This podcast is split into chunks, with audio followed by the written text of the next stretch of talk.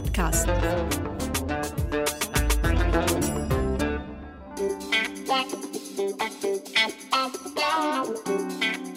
أهلا. أنا بسنت سمهوت من فريق صوت. والحلقة دي هنتكلم عن الفيلم اللي عمل ضجة كبيرة وصياح على منصات التواصل الاجتماعي. وهو فيلم أصحاب ولا أعز. قبل ما نخش في الموضوع حابة أرحب بزميلي أحمد إيمان زكريا.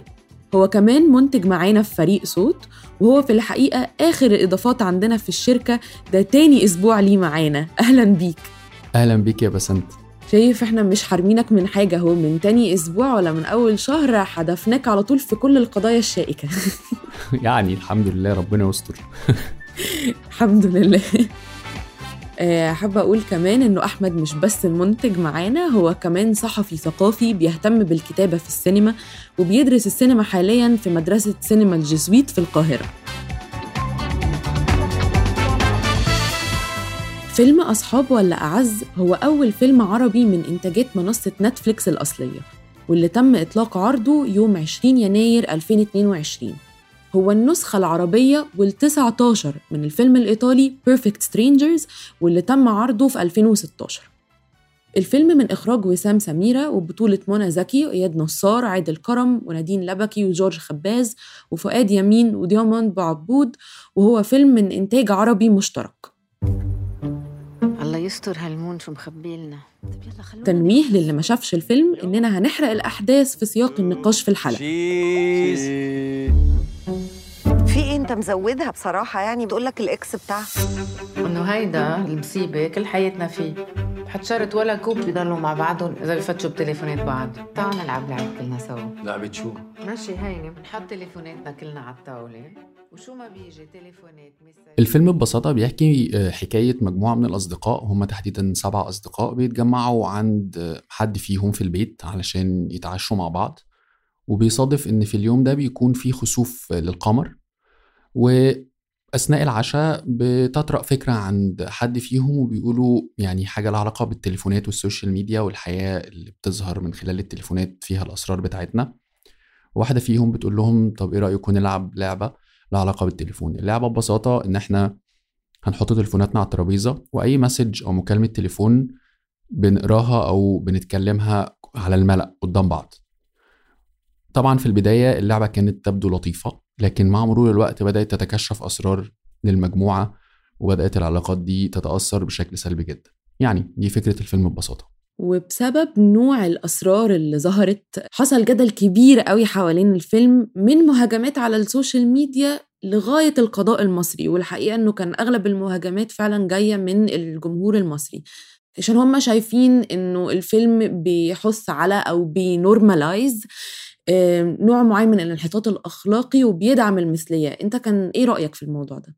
والله يعني ما كنتش متفاجئ من اللي شفته على ال social media خلال الأيام اللي فاتت في مصر تحديدا. يعني أنا ما أعرفش ده كان حاصل إزاي في بقية الدول العربية أو تحديدا يعني لو هنتكلم على إن الأحداث كان أبطالها ما بين آه، بطلة مصرية أو نجمه شهيرة زي منى زكي والباقيين كانوا من لبنان وفي طبعا نجم أردني اللي هو إياد نصار.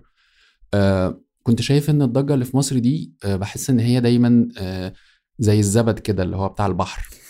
حاجة كده أو فقاعة. بتستمر لشوية وبعدين بتختفي كالعادة وما بنوصلش لحاجة. اللي هو زي بيقولوا كده ضجيج بلا طحن زي المسرحية بتاعت شكسبير.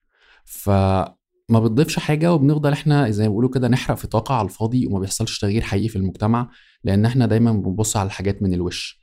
فحد يرفع دعوة قضائية وفي الآخر نكتشف بقى بعد خمسين سنة إن ياه ده كان في قضية أصلا ضد الفنان الفلاني ومحدش يعني كسب حاجة ومحدش خسر حاجة. ال social media بس خدت وقتها وخلاص كل حاجة رجعت تاني.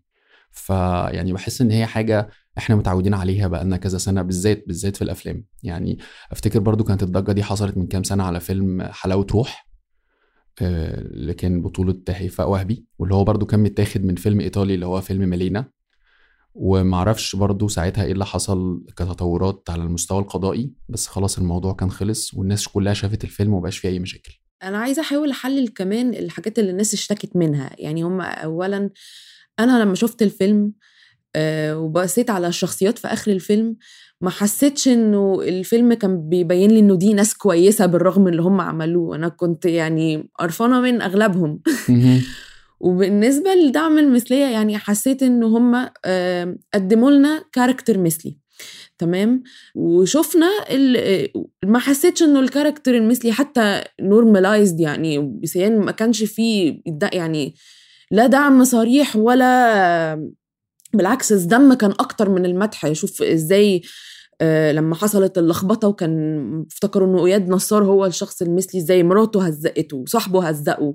وحتى لما عرفنا تاني إنه إنه ربيع هو اللي اللي مثلي آه، هو أصلا ما يعني تم طرده من الجامعة وفعلا هم ال جي بي تي كيو كوميونتي هي دي مشاكل فعلا بتواجههم. فهل الف... يعني حسيت إنه الفكرة إنه أنت لو جبت أي character مثلي مهما جبته هيبقى انت كده بتدعم المثلية مهما كانت الطريقة اللي انت قدمته بيها. فعلا دي من الحاجات القليلة اللي حسيتها ظبطت في الفيلم إزاي قدموا ال character وازاي قدموا المعاناة اللي هو كان بيعيش معاها من خلال كونه مجرد يعني كونه مثلي بس. بالظبط بالظبط. حقيقي يعني الموضوع برضو بالنسبة لي شوية في آه، حاجة لها علاقة بازاي إحنا ثقافتنا المصرية أو لو هعمم شوية أقول الثقافة العربية إن إحنا دايما بنفكر بشكل أحادي أو فكرة إن إحنا رافضين أي آخر. أي آخر طبعا ده بيندرج تحته بقى يعني آه، تصنيفات كتير جدا من أول المثلية لحد حتى الاختلاف في التوجهات الدينية. يعني مش هقول حتى ديانة مختلفة لا يبقى مذهب جوه نفس الدين. عدم وجود احترام للتعدد أو التنوع الثقافي أو التنوع في فكرة إن إحنا كبشر مختلفين. إحنا عايزين كلنا نبقى قوالب. والثقافة بتاعتنا رب اتربينا فيها في المدرسة وفي الجامعة وفي المؤسسات الدينية إن إحنا نبقى كلنا زي بعض. وبالتالي لما تيجي بقى السينما أو الفنون بشكل عام تعرض شخص المفروض إن إحنا بنقول عليه مثلي إن إحنا المفروض يعني بنقول إن إحنا ناس محايدين شوية في توصيفاتنا فيجي واحد تاني يقول لا ده شاذ.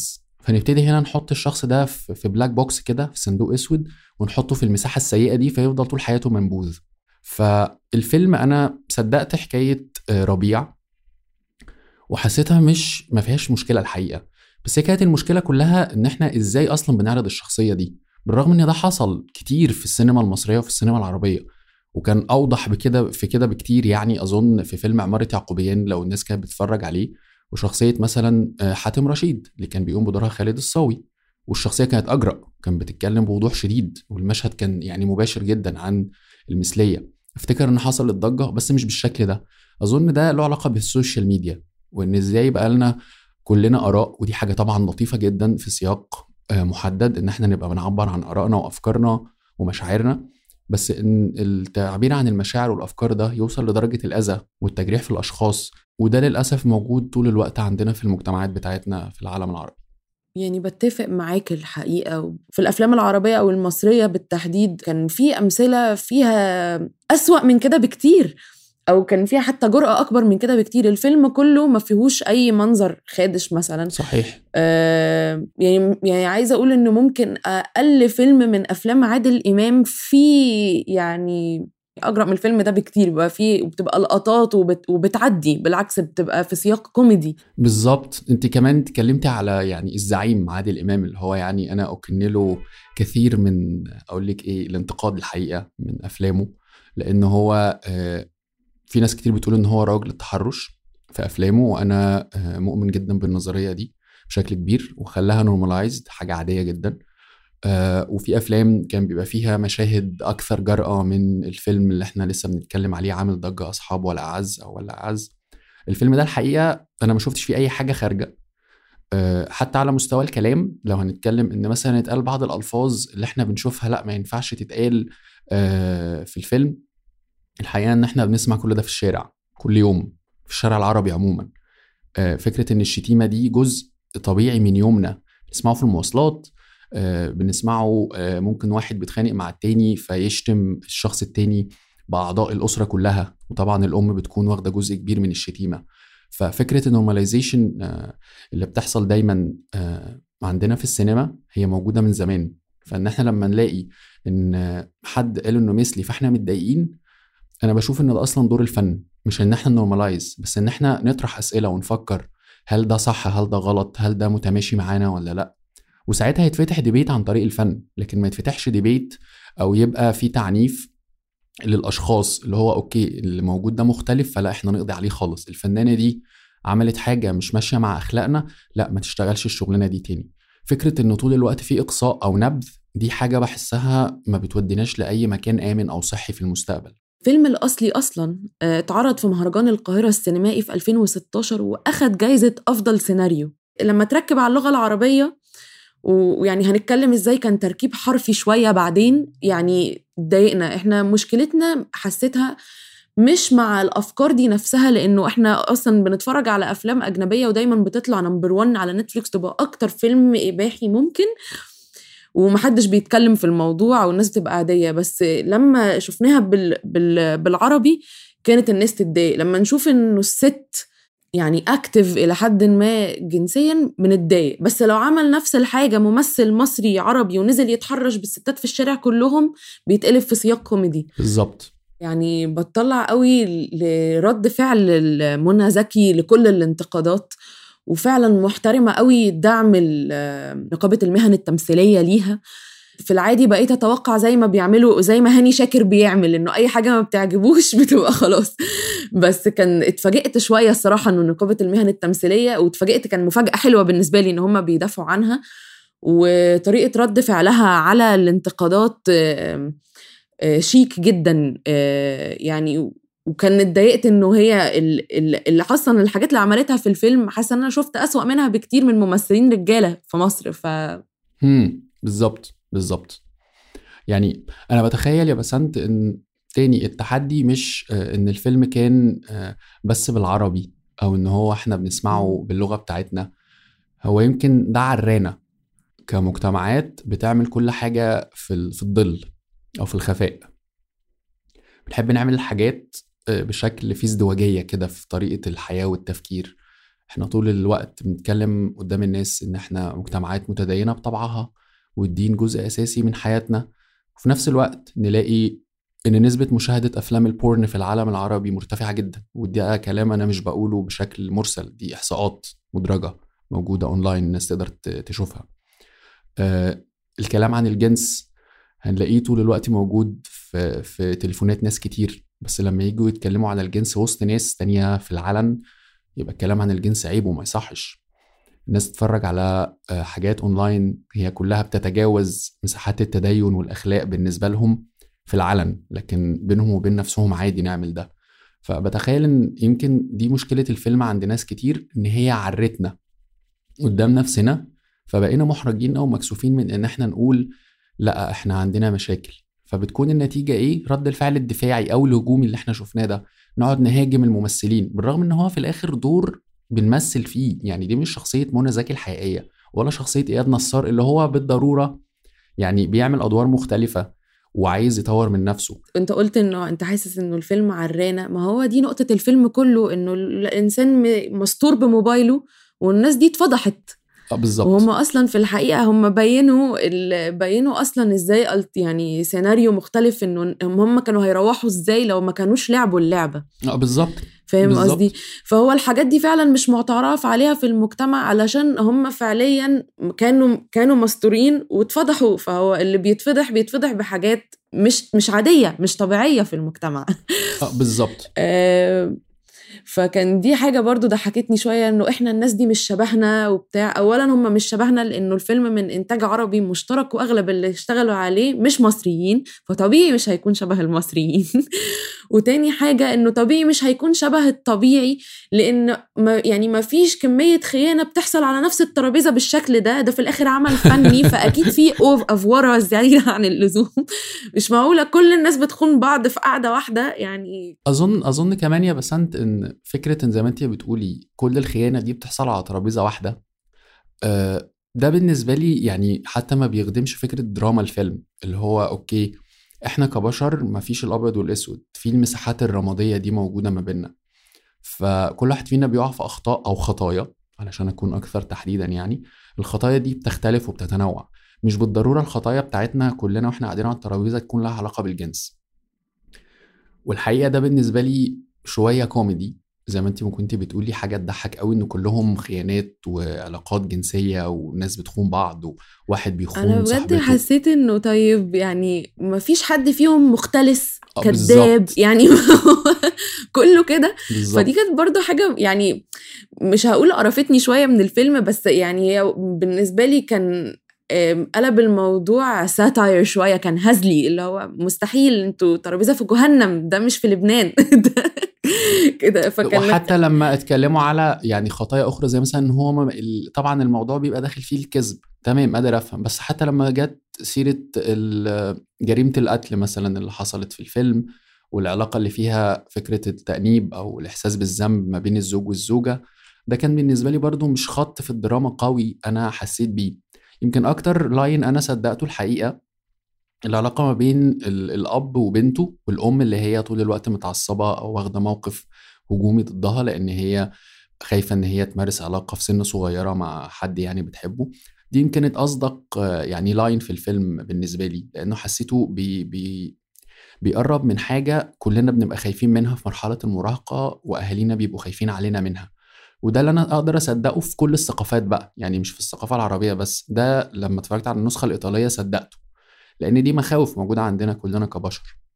لكن التركيز بس على الخيانة الزوجية يعني أظن إن هي ماشية برضو مع الثقافة العربية اللي فيها فكرة الحرمان الجنسي والكبت الجنسي. بصراحة إيه، كل مجتمع فيه الناس اللي هي عايزة تعيش بتحرر شديد وده حقها. وفي ناس تانية شايفة إن لأ أنا قيم المحافظة دي آه، هي اللي هتخليني أروح لعالم آخر أدخل فيه الجنة. وده حقهم برضو برضو. لكن المشكلة كلها إن إحنا نتجاوز برضو مرحلة الخصوصية أو الحق في إن أنا أنتقد وأخد الحق التاني إن أنا أجرح وأبتدي سوري يعني أقل أدبي على الناس وأبتدي أقول ده شخص مش محترم وزي الهجوم اللي حصل على ال social media آه، ضد أحمد حلمي وإن مثلا لازم يطلق مراته لأن هم شافوا إن اللي عملته منى زكي ده منافي لقيمنا وعاداتنا وتقاليدنا في مصر. هي كمية وصايا أبوية مش طبيعية وأنا ما زلت متأكدة لو كان أي حاجة أسوأ من كده بكتير وكان راجل اللي عملها ما كانش هيحصل كل السويت ده. صحيح. يعني الحقيقة ربنا يعدي الفترة دي على خير لأحمد حلمي ومنى زكي بس أنا متأكدة إنه زي أي حاجة على ال social media هي هوجة وهتقل مع الوقت. افتكرت دلوقتي فيلم تراب الماس وده يعني كان ال line اللي له علاقة بالمثلية الجنسية كان واضح جدا وحقيقة أنا شفت الفيلم بعد ما اتعرض في السينما بكذا سنة. بس ما أعرفش هل عمل نفس الضجة دي وقتها ولا لأ. لأن لو ما عملش نفس الضجة يبقى إحنا هنا بنتكلم على تناقض مرعب. اللي هو طب اشمعنى دلوقتي يا جماعة بنتكلم على المثلية؟ طب ما الفيلم كان الخط ده بقى واضح جدا برضو ولسه الفيلم بقالوش كام سنة. فده سؤال أنا بطرحه كده للناس تفكر فيه. ليه ما حصلش الضجة؟ لو فعلا ما حصلش ضجة وقتها وليه الضجة دلوقتي بالشكل ده؟ يعني أنا ممكن يبقى عندي تفسيرات أخرى بقى لها علاقة بإن إحنا بنحب نعمل ترند على فيلم معين علشان ممكن نشوه شخص بعينه. يعني في نظرية حتى بتتردد دلوقتي على ال social media إن في هجوم ممنهج على منى زكي وأحمد حلمي. ما أنا ما عنديش تفسير لده بس لو ده حقيقي بيحصل حاجة بالنسبة لي مش مفهومة خالص. مش عارفة الحقيقة كمان. أكيد دلوقتي ال social media وال trendات بالذات في الثلاث سنين اللي فاتوا حاسة إنها أكتر بكتير قوي من قبل كده. مع الكوفيد و وظهور التيك توك وفكرة إنه أنا عايزة أبقى ترند أنا عايزة أبقى ترند بقت أي حاجة دلوقتي بقت بتبقى ترند أظن يعني يمكن يكون فرق السنين مش كبير بس فعلا التطور في إنه إزاي أبسط حاجات بقت ناس تعمل عليها ضجة كبيرة بقت أزيد بكتير قوي السنة يعني في الكام سنة اللي فاتوا عن قبل كده. بالظبط. فده برضو ممكن يكون تفسير. صحيح. هي أنا عايزة كمان ألف وأرجع تاني لحاجة أنت كنت قلتها على شخصية الأب واللي كان بينصح بنته. أنا دلوقتي أنا عندي 22 سنة فأنا لما شفت المشهد ده اتأثرت وكان مشهد حلو بس في نفس الوقت أنا واعية إنه قليلين قوي أصلا الأبهات الأجنبية اللي هيبقوا بيتكلموا بالشكل المتحضر ده مع بناتهم في الموضوع ده. طبعا. برضو في كل الثقافات بيبقى دايما اللي هو أنت اللي أنت لو قربت من بنتي هعمل فيها اللي أنت هتعمله فيها ومش عارفة إيه ومعاهم البندقية. ف فكان بالنسبة لي اللي حسيته يعني وده بقى أنا عايزة أنقل شوية ان الاقتباس الفيلم من فيلم أجنبي. أسلوب الاقتباس اللي حصل إنه أنا كان ممكن أصدق مثلا لو كانت مامتها هي اللي بتديها النصيحة دي. بحس دايما إن علاقة البنات بأمهاتهم بيبقى فيها تفتح أكتر من الأب. م. فمثلا كان بالنسبة لي غريب كان حلو. نفسي يكون في أبهات أكتر في الدنيا كده بي- بينصحوا بناتهم بالطريقة دي. بس أنا بالنسبة لي مثلا لما أجي أفكر فيها من من من منظور عربي ومن من, من أي منظور الحقيقة بحس إنه الموضوع هي كان هيمسني أكتر لو كانت النصيحة دي جاية من مامتها مثلا. موافقك جدا موافقك جدا جدا جدا يعني. آه يمكن انت قلتي نقطة مهمة فكرة إن نموذج الأب اللي ظهر في الفيلم ده أنا يمكن ليه أثر فيا وبرضه بفكر معاكي دلوقتي آه إن ممكن يكون السبب الأساسي إن صدقته لأن يمكن ده الشكل اللي بتخيله أو بتمناه إن يكون في الأبهات في علاقاتهم ببناتهم تحديدا. لأن لو إحنا حطينا مكان البنت دي ولد أظن كان هيبقى الكلام من الأم أو الأب في لحظات اللي هو أوكي بس خلي بالك يا ابني ما تعملش حاجة غلط و- وتأذيها وتأذينا وخلي بالك دي زي أختك.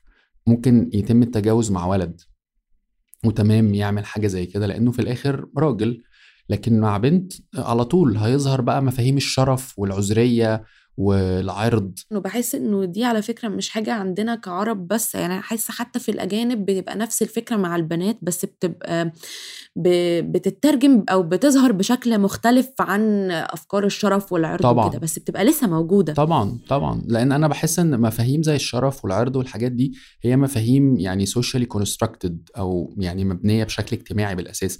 إحنا ما اتولدناش الشرف ده موجود في جيناتنا. لا أنا بتخيل إن هي حاجة بتتبني مع البيئة والمجتمع والمؤسسه الدينية والتعليم والأسرة. كل ده بيغرس فينا مجموعة قيم وأفكار إن هو الشرف ده مرتبط بكذا قله الشرف مرتبطة بكذا. فهي موجودة مثلا هتلاقيها زي يعني ده الفيلم الإيطالي. أنا أكاد أجزم إن في مجتمع زي إيطاليا هتلاقي مفاهيم الشرف دي متجذرة جدا في بعض مناطق إيطاليا تحديدا في الجنوب زي صقلية مثلا أو نابولي. لأن هي مجتمعات محافظة أكتر من مثلا الشمال. عايز أرجع أتكلم على فكرة إزاي ال adaptation أو الاقتباس بيحصل. أنا بالنسبة لي الحقيقة كان النسخة العربية كوميديه بقى مش بس على المستوى اللي هو له علاقة بالأفكار حقيقيه ولا لأ أو شبه ثقافتنا ولا لأ. اللي كان كوميدي أكتر إن الحاجات متاخدة يعني مش ببالغ لما أقول جملة وجملة. يعني باخد الجملة أشوفها في الفيلم الايطالي ألاقيها موجودة في الفيلم العربي. يعني مثلا لقيت في الفيلم الإيطالي بيقارنوا ما بين طريقة تفكير الرجالة والستات إن الرجالة عاملين زي ال PC أو الكمبيوتر يعني العادي اللي عندنا في البيت وإن الرجالة زي ال PC والستات زي ال Mac فضحكت. ما تهزرش بجد هم أخدوا نفس نفس والله. ال- نفس ال line نفس ال line الجمل اللي اتقالت بالظبط يعني مش حتى مثلا غيروا فيها. ده كان بالنسبة لي مربك جدا. في كادرات متاخدة بالظبط يعني اللي هو يا جماعة أنتوا بتهزروا؟ التفصيلة الوحيدة يمكن اللي اختلفت وعملت يعني كده ارتباط عندنا الملوخية. الحمد لله خلوها ملوخية في الفيلم العربي وطبعا الملوخية المصري بقى لازم هي تبقى أحسن ملوخية الملوخية اللي بالأرانب. ودي برضو ممكن نفتح عليها نقاش بقى مع زمايلنا في العالم العربي اللي هو الملوخية إيه أحلى الملوخية الفلسطيني ولا التونسي ولا المصري؟ تشوفي بقى الفيلم الإيطالي هم عملوا حاجة جاية من الثقافة الإيطالية dessert اللي هو التيراميسو فتمام قادر اقبل ده شفت مثلا جزء من الفيلم الألماني أو النسخة الألماني؟ كنت مصدق الفيلم الألماني أكتر لأنه جايب حاجات من الثقافة الألمانية.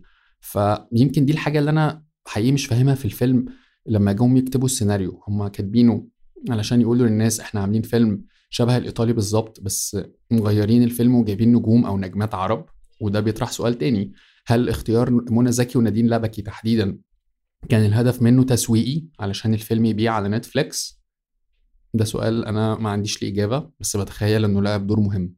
أم، بحس آه أكيد لما بيبقى في أولاً بيبقى في أول فيلم عربي على من إنتاج أو من إنتاج عربي على نتفليكس أكيد في قرارات معينة بتتعمل علشان يكون تسويق الفيلم أحسن. أكيد ممكن يكون منها اختيار الممثلين بس كمان الممثلين لازم يوافقوا على الدور فهم أكيد بيبقوا عارفين برضو أكيد عجبهم السيناريو إذا هم وافقوا يمثلوا في الفيلم.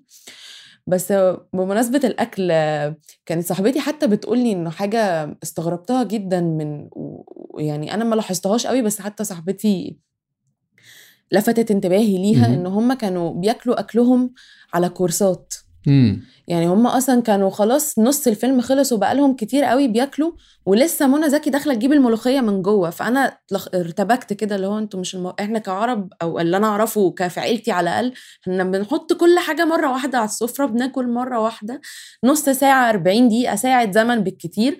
بيبقى الموضوع خالص وبعد كده بنكمل القعدة على الديزرت على السوق على في في الصالة. بالظبط. فاهم قصدي؟ بالظبط. حسيت حتى التفصيلة الصغيرة دي اللي هو أنا ما كنتش فاهمة هم ليه بياكلوا أكلهم على كورسات. بس حسيت إنه دي حاجة من الحاجات إنه كان الاقتباس حرفي بزيادة. وهنا أنا كنت عايزة أسألك هل في ال... في لما بنيجي نعمل نسخ من فيلم أصلا أجنبي هل بي يعني بي لازم صناع العمل يأقلموا السياق للجمهور اللي هم بيعملوه له ولا مش لازم؟ ممكن يبقى اقتباس حرفي وده نوع من أنواع الفن وإحنا ملناش دعوة؟ يعني بص هو طبعا مفيش صح وغلط عموما في فكرة صناعة الفن يعني من أول ما برسم لوحة لحد ما بعمل فيلم. آه يعني أنا وأنت بتحكي على فكرة الاقتباس هل الاقتباس يكون حرفي وأمين من النص الأصلي مثلا أو من فيلم تاني؟ آه ولا يبقى انسبايرد مثلا يعني استلهم الفكرة فبيعملها بشكل تاني خالص. آه في فيلم دلوقتي أنا افتكرته إحنا بنحكي فيلم زقاق المدق طبعا للأديب نجيب محفوظ وفي نسخة طبعا معمولة منه مصري. أنا شفت منه النسخة المكسيكي. النسخة المكسيكي وكان فيها سلمى حايك وكان من أول أفلامها على ما أتذكر. الفيلم ملوش أي علاقة بالكونتكست اللي اتبنى فيه الحكاية بتاعة الفيلم المصري. هو استلهم روح النص اللي عمله نجيب محفوظ وبالنسبة لي الفيلم المكسيكي أحلى بكتير بكتير بكتير من الفيلم المصري الحقيقة لأنه كان كان أجرأ. الفيلم بقى فكرة اقتباسه من فيلم آخر بالنسبة لي ده شوية بيحطني في مساحة اللي هو أنا شفت الفيلم زي بالظبط الأدب. أنا قريت الرواية فهل الرواية والنص والشكل السينمائي ده هيكون شبه الرواية ولا لأ؟ وده مربك لأن بصراحة بحس إن من حق صانع الفيلم انه يكون عنده الحرية الكاملة في إن هو يعني يطلق عنانه كده ويقول أنا هعمل حاجة بتاخد روح النص أو روح الفيلم التاني. لكن بالنسبة لي الفيلم العربي لا خد روح الفيلم الأولاني حقيقي ولا خد روح الفيلم العربي أو الثقافة العربية يعني التفاصيل حتى شكل المزيكا بالرغم إن هي عجبتني الموسيقى التصويرية يعني ما حسيتهاش شبه مثلا الموسيقى العربية. مش معنى كده إن أنا بقول إن أنا عايز موسيقى تكون بالعود بقى والناي والناس تقعد تعيط. لا خالص بس اللي هو حتى روح المزيكا حسيتها يعني جاية من الفيلم الإيطالي أكتر. فعلشان كده ما حسيتش بارتباط شديد ناحية الفيلم وده في تخيلي ما يخليش الفيلم ده يعيش لكتير يعني بغض النظر عن الهجمة اللي حصلت ضد الفيلم. ما بتخيلش إن ده فيلم نرجع مثلا ونقول من خمسين كمان خمسين سنة هي ده فيلم الأفلام العظيمة. يعني نتفق أو نختلف على يوسف شاهين. يوسف شاهين ممكن نعيش سنين كتير لحد مثلا 2050 ونرجع نقول لأ ده فيلمه الفلاني كان فيلم عظيم وممكن كلنا نتفرج عليه. هاني أبو أسعد مثلا. نقعد سنين كتير جدا نقول الله لأ يعني فيلم عظيم أو إلياس سليمان. يعني في مخرجين كتير في العالم العربي عملوا أفلام هتفضل محفورة في الذاكرة العربية. لكن فيلم أصحاب والعز ما ما تخيلش ابدا إن ده ممكن فيلم يعيش لأنه هو حتى ما قدمليش موضوع يخليني أطرح أسئلة وأفكر وأقول الله لأ ده كان الكادر ده متصور حلو قوي فده مشهد أيقوني مثلا بالنسبة لي ما انساهوش. ده أنا بريليت ليه مع أفلام الكلاسيكيات في السينما العربية. يعني دايما مثلا بفتكر فيلم باب الشمس ليسري نصر الله بالجزئين في مشاهد دايما بفتكرها وبحبها لكن في أصحاب والاعز اقتباس بالنسبة لي يعني بصراحة شديدة اقتباس يعني ضحل جدا ما ضافليش أي حاجة. وهنا عايز أتكلم على حاجة بصراحة بقى لها علاقة بفكرة كمان الخسوف.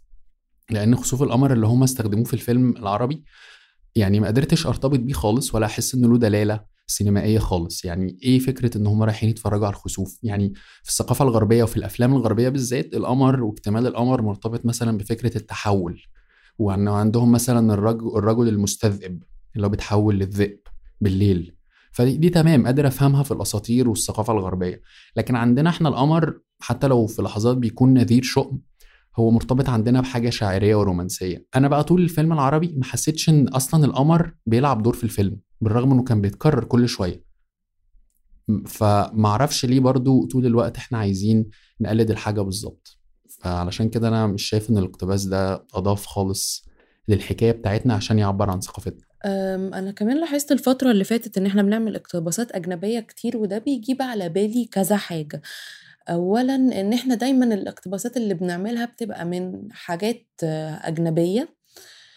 بحس إنه إحنا عندنا في في الفن المصري القديم بالذات في حاجات كتيرة حلوة ممكن يعيد اقتباسها بشكل بشكل مودرن وتبقى حلوة قوي على فكرة وكمان بفكر إنه آه فكرة إن إحنا نسيب الموبايلات وإنه الموبايل والستر والفضيحة يعني دي كفكرة حلوة قوي مم. ممكن زي ما انت قلت تاخد روح الفكرة أو الفكرة نفسها إنه الموبايل بيتساب مفتوح أو وفكرة السر والفضيحة بس ممكن تغير السياق تماما ويبقى فيها إبداع وكرياتيفيتي أكتر بكتير كمان من الكتاب إن هم هي هياخدوا بس الفكرة أو الروح ويعملوا منها فيلم مختلف تماما كان هيبقى إبداع أحلى بكتير.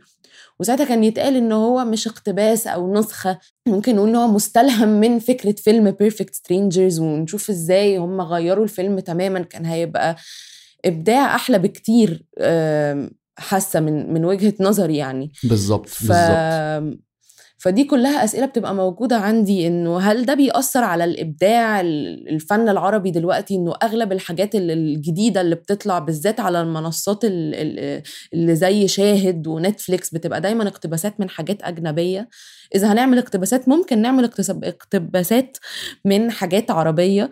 وليه ما عادش في عندنا أفكار original و creative زي الأول أو زي زمان؟ أه حقيقي بس أنتوا والله يعني الفكرة دي دايما بتبقى بالنسبة لي برضو من الحاجات اللي بسألها اللي هو إحنا ليه دايما بنروح لحاجات موجودة مش من الثقافة بتاعتنا؟ في حين إن مثلا إحنا عندنا يعني محتوى الأفكار ومواضيع حقيقي حقيقي ملهم جدا من تاريخنا مش لازم حتى أتكلم على الحاضر. التاريخ بتاعنا فيه قصص أنا لما بقراها ببقى مش مصدق إن القصص دي إزاي فيها دراما وبتكلم هنا على قصص حقيقية يعني حصلت في التاريخ.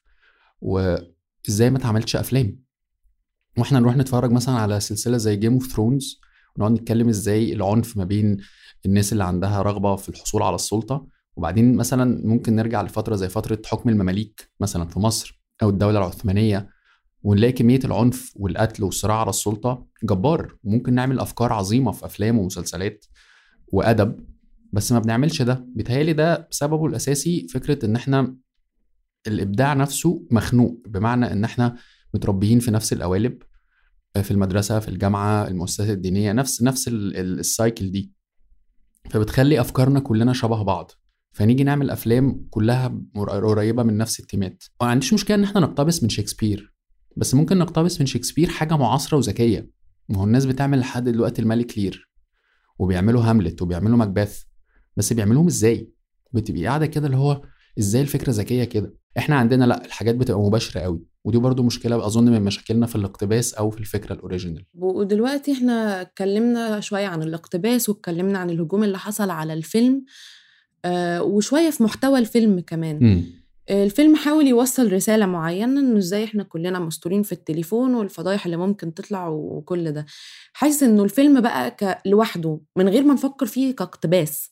تعمق في الرسالة اللي بيحاول يوصلها ولا يعني حاسس إن هو مشي عليها من من على الوش كده؟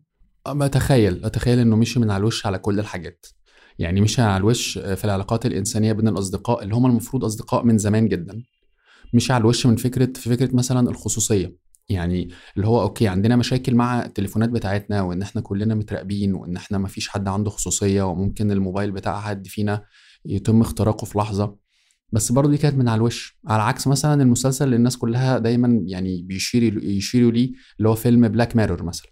ده فيلم لا دخل في العالم ده بشكل متعمق جدا خلانا جوه العالم ده. لكن ده فيلم مدته ساعة ونص عدى على كل الحاجات من فوق كده. العلاقات المتوترة بين الأهل الزوج والزوجة. العلاقة ما بين الشخص المثلي والمجتمع اللي رافضه آه، الشخص اللي عنده insecurity من حاجة معينة. فكلها حاجات كده عدينا عليها بسرعة ودي على فكرة من ضمن الانتقادات أصلا اللي اتقدمت للفيلم الإيطالي نفسه. وده تاني بيرجعني لنفس السؤال. ليه فيلم بسيط زي كده في 2016 اتعمل يعمل كل الضجة دي ويفضل لمدة ست أو سبع سنين بيتعمل منه نسخ؟ حقيقي مش فاهم الموضوع ده بالنسبة لي كوميدي يعني مش حاسة إنه علشان فك الفكرة آه، يعني آه، الفكرة نفسها بتاعت إنه التليفونات وال آه، وإنه إيه اللي مستخبي فيها وإنه كل حاجة بتطلع على الملأ في في عشوة الفكرة حلوة قوي. يعني فكرة انه أنت تسيب تليفونك والمسجات اللي تيجي تتقرأ وإيه الريسك في الموضوع هي فكرة حلوة. أنا حاسة لأ تستاهل يتعمل منها اقتباسات كتير بس تبقى اقتباسات منو... متنوعة.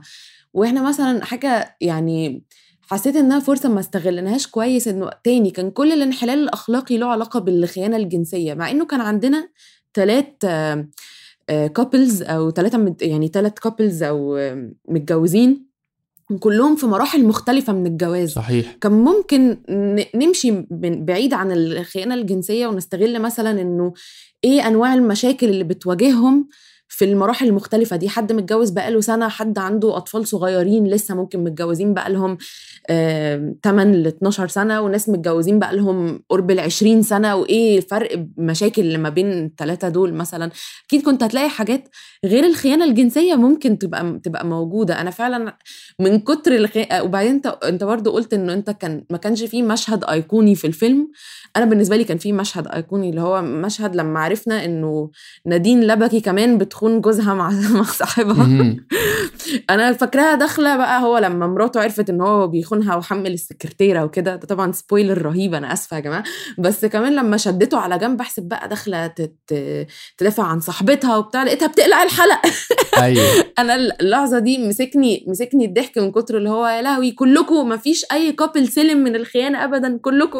أظن كان عندي أمل فيكي أنتي وجوزك ولسه بتنصحوا بنتكم ومش عارفة إيه يعني الموضوع بن يعني كان الفيلم مصنف على نتفليكس إن هو كوميدي. بس أنا بالنسبة لي كان كوميدي مش إنه السياق وطريقة الطرح كان كوميدي أنا كان بالنسبة لي هو يعني ما كانش حقيقي بالمرة لدرجة ضحكتني اللي هو لا يا جماعة أنتوا أكيد بتهزروا الكلام ده ما بيحصلش. بالظبط. بس أنت عارفة ناس كلها كده. بتخيل إن يمكن ده اللي مخلي الفيلم الناس عايزة تشوفه تاني لأنه يمكن بي تاني بي بيتماس مع حاجة إحنا كلنا نقدر ن... يعني نفكر فيها ونقول okay ده مباشر قوي إن هي فكرة الخيانة. وهل فعلا أنا كشخص لو اتحطيت في مساحة إني أخون مثلا ال partner بتاعتي هعمل كده ولا لأ؟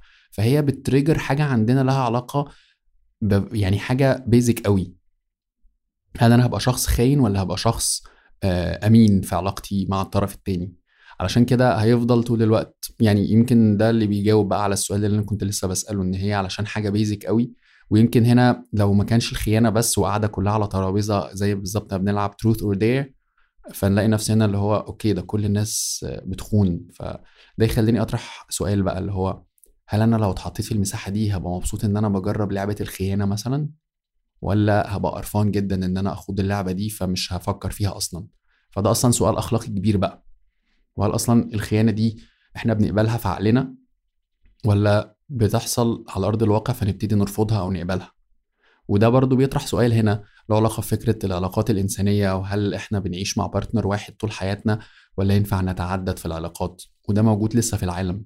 يعني الأسطورة إن ده كان بيحصل في المجتمعات البدائية ده مش حقيقي. لحد دلوقتي في بعض ال- الشعوب مثلا في منطقة الأمازون آه، في علاقات متعددة. يعني الشخص بيخوض علاقات متعددة بوضوح شديد والست هي اللي بتخوض العلاقات المتعددة دي. يعني كنت شفت فيلم documentary قبل كده آه، الست بتتجوز أربع رجالة مش العكس يعني مش الراجل اللي بيتجوز أربع ستات. كان قريت حاجة في كورس في الجامعة إنه أصلا الطبيعي هناك إنه الست بتتجوز كذا راجل مش الع... مش العكس. بالظبط بالظبط. ده موجود على ناشونال جيوغرافيك أنا شفته وأنا فاكر كويس كان من ضمن. الحاجات اللي بتحكي إن هي كانت اتجوزت اربعه إخوات وأول حاجة لما سألوها قالوا لها طب أنت كانش عندك مشكلة في كده؟ إن هم اربعه إخوات والغيرة؟ قالت له لا بالعكس أنا مش حاسة خالص بالغيرة. ولا هم حاسين خالص بالغيرة بالعكس حاسين إن في مساحة آمنة بينا لأن إحنا كلنا عارفين أسرار بعض. فده كان بالنسبة لي كده لحظة اللي هو من لحظات الإدراك اللي هو okay يا جماعة العالم واسع جدا لدرجة إن إحنا فعلا ما نبقاش عارفين إيه اللي بيحصل فيه والناس إزاي بتفكر. فمش معنى إن أنا متربي في مصر أو في المنطقة العربية فالقيم بتاعتنا هي الصح. لا هنروح أماكن تانية في العالم اللي هي في الآخر مسافة مش بعيدة يوم سفر. واكتشف إن في ناس بتفكر بشكل مختلف تماما تماما تماما. يعني فعلا أنا حاسة الفيلم نجح شوية إن هو قدم لنا أسئلة كتير.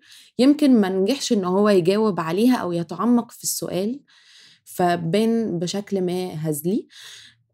بس في الآخر أنا يعني أقول إن أنا استمتعت بالفرجة إن أنا اتسليت فمن ناحية عمل تسلية أو entertainment. فهو كان entertainment. أنا اتسليت وانبسطت وكمان كان في layer تاني من التسلية إني بشوف كل آراء الناس أه، وال أم، الحوار المجتمعي اللي ابتدى من تحت الفيلم إنه لأ ال- ال- فعلا الفيلم الفيلم شبهنا لو إحنا معترفين بالأخطاء اللي عندنا في المجتمع. فعلا لأ في فضايح وفي حاجات أسوأ من كده بكتير. ولو شفتوا Cairo Confessions والكلام ده كله. بالظبط بالظبط. فأكيد الفيلم كان ليه نقط قوة ونقط ضعف. بس تاني من رأيي إنه الضجة اللي اتعملت عليه نوعها غلط. كان نفسي إن المناقشات اللي تتفتح تبقى فعلا في سياق ومضمون الفيلم أكتر ما هي عن إزاي يقدموا character مثلي وإزاي منى زكي تقلع ال shoes. بس ف ف فكان كل دي يعني حاجات خلتني أفكر وفعلا بدأت بقيت أتكلم يعني حكيت للفيلم مع بابا مع أختي فكان حلو. بحس هو ده الهدف من الفن في الآخر إن إحنا نتكلم ونعرف أكتر عن بعض وكده. أتمنى إن إحنا في يوم من الأيام نوصل لمرحلة إن إحنا فعلا مش عايزة أقول نفصل الدين الدين تاني جزء مهم جدا من مجتمعنا بس إن إحنا نشوف الفيلم ونفكر في العيوب اللي موجودة أكتر من إن إحنا نتنكر منها. بالظبط بالظبط. وأنا بتخيل يا بسنت كمان إن جزء من من اللعبة بتاعة الفن إن أنا كفنان مثلا أو صانع أفلام أو فنان تشكيلي ايا كان يعني الفن اللي بقدمه هو أنا مش لازم أكون أصلا بجاوب على أسئلة. يعني هو أنا فكرة إن أنا أطرح السؤال أصلا بس أتعمق فيه زي ما أنت بتقولي بحس إن هو ده المهم والملهم. يعني فكرة إن إحنا ندي للناس إجابات في الأفلام أو في الفنون بحس إن هي برضو بتدخلنا في نفس الدايرة اللي هو okay لو أنت ما بقيتش بت بتعمل زي الفيلم ده ما بيقول لنا تبقى أنت وحش. وده اللي كانت بتعمله الأفلام اللي هي العلاقه بالبروباجندا. يعني الأفلام النازية والأفلام السوفيتية هي كانت بتعلم الناس يعملوا إيه. فلو أنت ما عملتش زي المواطن الألماني الأبيض يبقى أنت كده وحش. لكن ده مش دور الفن. الفن بيخلينا نفكر زي الفلسفة. يعني أنا بشوف إن إن الفيلم كمنتج بيبقى بي بيطرح فلسفة معينة وبيخلينا نسأل. حاجات بقى علاقة بالذات رؤية العالم علاقتنا بالناس القريبين مننا زي الأصدقاء في فيلم أصحاب ولا اعز كل دي أسئلة إحنا بنبتدي نفكر فيها. هل أنا فعلا علاقتي بأصحابي اللي من 20 سنة زي ما هي زي ما هي؟ طب ده line مثلا بشوفه مهم في الأفلام بتاعتنا إن إحنا إزاي الأصحاب في المجتمعات بتاعتنا لما بيتجوزوا بيبقوا أشخاص آخرين ما بيحكوش أي حاجة أصلا. يعني حتى لو إحنا كنا قريبين دي حاجة أنا بعيشها مع أصحابي لحد دلوقتي. بعد ما بيتجوزوا بيتحولوا ناس تانية خالص. آخري معاهم إزيك عامل إيه؟ في حين إن الشخص ده كان قبل ما يتجوز بيحكي لي أدق التفاصيل عن يومه. دلوقتي ما بيحكيش حاجة خالص. فليه ما تبقاش دي حكاية بنحكيها في فيلم وبتطرح أسئلة عن علاقات الصداقة؟ صح. ده سؤال برضه. والله إحنا من المناقشة دي طلعنا بشوية أفكار لأفلام زي الفل. آه يلا بينا بقى نخليهم ينتجوا لنا حاجة قريب. يعني بقى نشوف مين نقول له صوت ينتجوا لنا بقى نعمل أفلام صوتية. أو نكلم نتفليكس. تابعوا الفيلم على نتفليكس وقولوا لنا رأيكم في الفيلم ورأيكم في رأينا في الفيلم. أه وقولوا لنا برضو لو بتشربوا wine مع الملوخية. بس. يعني أنا هتجاوز على موضوع الملوخية مع الواين دي بصراحة برضو بس تمام.